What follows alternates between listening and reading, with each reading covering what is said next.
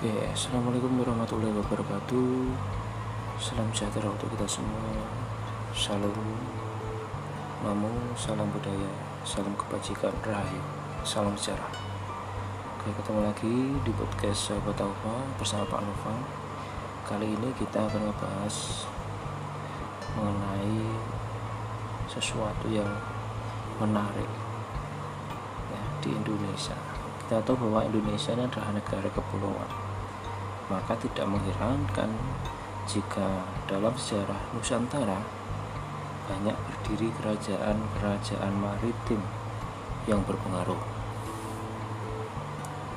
Nah, termasuk juga pada masa Islam nanti dari Kesultanan Samudra Pasai, Aceh, Banten, Demak, hingga Ternate dan Gua Talo di kawasan timur.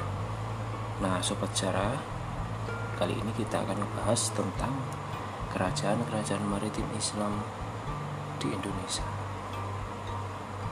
Silakan disimak, dicatat, sekaligus nanti ada tugas yang harus dikerjakan.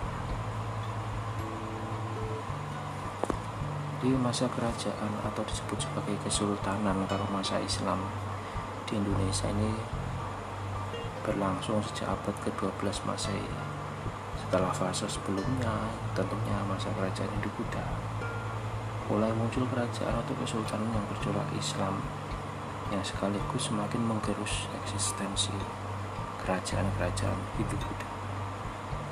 Nah, sedangkan agama Islam sendiri masuk ke Nusantara, kalau kalian sudah baca di materi sebelumnya dan kalian sudah membuat pertanyaan di situ, ini sudah diperkirakan sejak sekitar abad ke-7 Masehi tentunya salah satu teorinya dibawa oleh kaum pedagang dari Timur Tengah. Selain itu, ada beberapa teori lainnya yang menyebut orang-orang Gujarat, Cina maupun orang Nusantara sendiri yang membawa ajaran Islam dan kemudian berkembang dengan besar.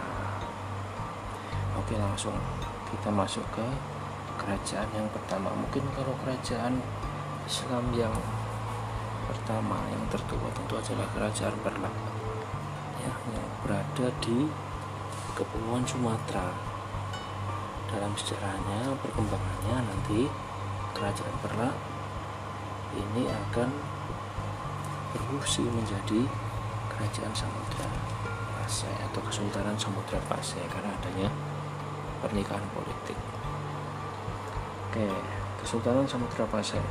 Kalau kita kutip dari buku arkeologi Islam Nusantara, terbitan tahun 2009 nih karya Luka Chandra Sasmita. Kalau kalian sudah pernah baca ya kerajaan atau kesultanan Samudra Pasai ini berdiri pada abad ke-13 kesultanan yang disebut-sebut sebagai kerajaan Islam pertama di Nusantara ini terletak di pantai timur Sumatera atau kurang lebih di sekitar kota Luxmawe dan Aceh Utara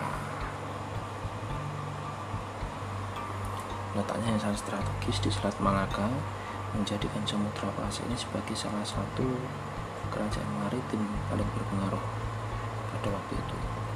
Hal tersebut menjadikan kerajaan ini sering dijadikan tempat singgah kaum pedagang dari berbagai penjuru dunia maupun Nusantara. Selain sebagai kerajaan dagang ya Kesultanan Samudra Pasai ini juga menjadi pusat pembelajaran agama Islam di Asia Tenggara sejak abad ke-14 bahkan ini sobat sejarah kan kerajaan ini juga dijadikan sebagai tempat para ulama untuk berdiskusi. Nah, kejayaan kerajaan maritim Islam ini perlahan surut karena mulai digantikan dengan pelabuhan-pelabuhan baru di Semenanjung Tentunya keadaan ini diperparah oleh datangnya Portugis yang berusaha menguasai dan juga memonopoli perdagangan di Selat Malaka. Yang kedua, kalau kita baca karya Nuruddin Araniri ya dalam kitabnya Gustavus Asalatin terbitan 1966 itu ya.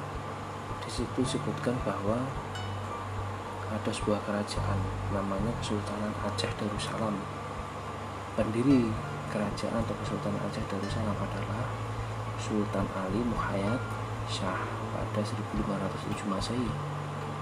Kendati ada versi yang meyakini embrio kesultanan ini sudah ada sejak abad sebelumnya. Nah, dengan pusat pemerintahnya di ujung Sumatera, kita tahu ya Aceh ya. Kerajaan Aceh ini tumbuh menjadi kerajaan yang besar. Portugis yang sebelumnya pernah menguasai perdagangan Malaka berusaha untuk menaklukkan Aceh Darussalam Nah, kejayaan kerajaan ini terjadi pada masa pemerintahan Sultan Iskandar Muda sekira tahun 1607 ya sampai 1636. Jadi saat itu Sultan Aceh Darussalam menguasai wilayah utara Sumatera Utara, Riau dan Jambi. Makanya nanti muncul kerajaan-kerajaan Islam yang ada di Riau dan Jambi. Karena nanti bisa literasi dalam buku atau menggunakan media lainnya. Kemudian kekuatan angkatan perang dimiliki Sultan Aceh Darussalam pada era itu sangat besar, membuat bangsa-bangsa ini termasuk Portugis, Inggris maupun Belanda harus berpikir beribu-ribu kali untuk melawannya.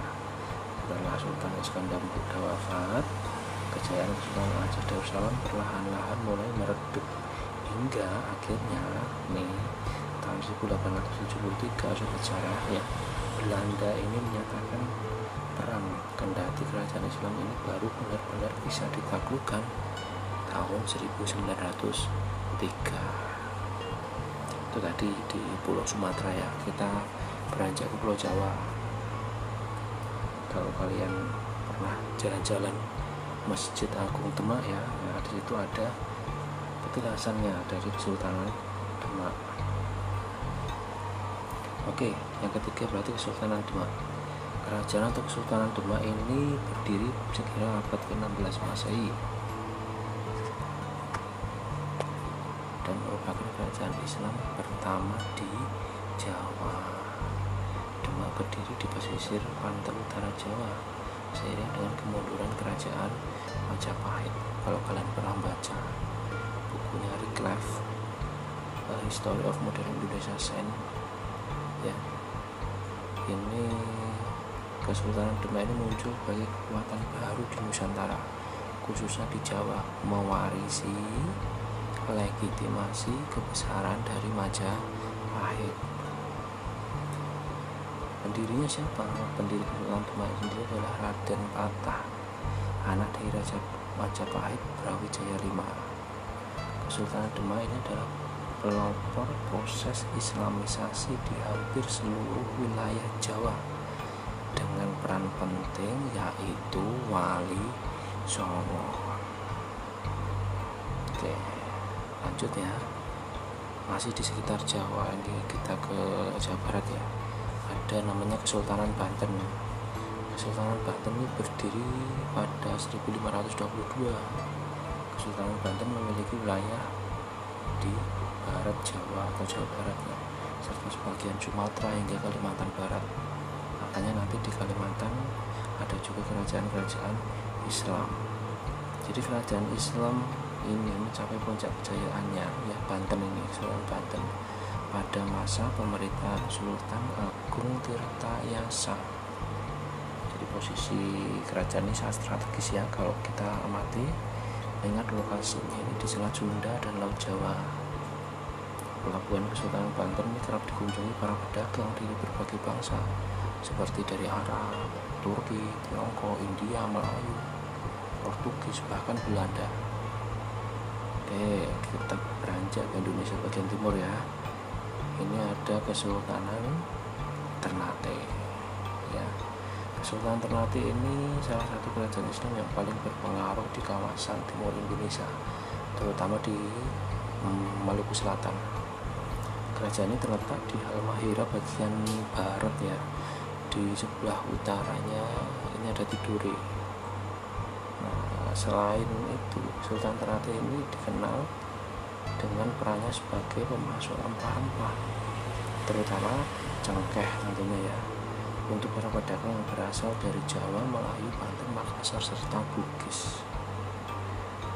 Dalam berdagang ini terlatih bersaing dengan kerajaan Tidore. ketika dua kerajaan ini dalam masa paling buruknya ya, ini muncul si Spanyol dan Portugis ya, dan memperkeruh suasana Kesultanan ini mencapai masa kejayaannya pada masa pemerintahan Sultan Babula dengan luas wilayah meliputi Maluku Utara, Pulau Buru, Pulau Seram, Sulawesi Utara ya belum ya, serta Teluk ini banyak banyak nih wilayahnya. Kemudian semakin ke timur kita masuk ke Kesultanan Gua Talu. Kesultanan Gua Talu sendiri ini pusatnya di Makassar dan merupakan salah satu kerajaan terbesar di Sulawesi terutama saat dipimpin oleh Sultan Hasan Udin 1653 sampai 1669 nah, julukannya apa? ayam jantan dari timur.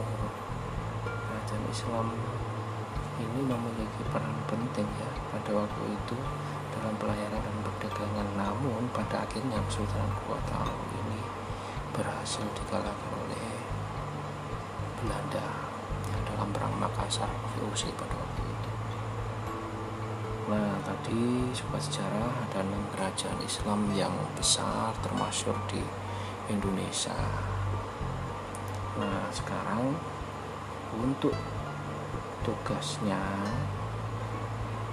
ini yang pertama kalian bikin mind mapping kerajaan-kerajaan Islam di Indonesia. Cari dari berbagai sumber. Ya boleh pakai formatnya PDF atau JPG yang kedua silahkan kalian bikin tabel tentang kerajaan-kerajaan Islam di Nusantara. Meliputi tentunya yang pertama nama kerajaan lokasi tahun berdiri raja atau sultannya serta keistimewaan yang kalian temukan. Semakin banyak semakin baik. Yang ketiga adalah kalian mencari literasi dan membuat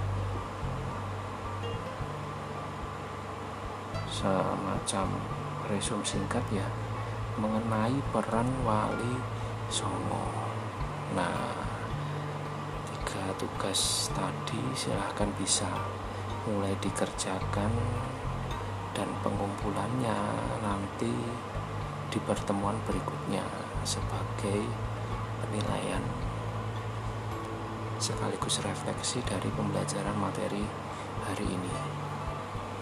Oke, terima kasih. Semangat belajar. Salam sejarah.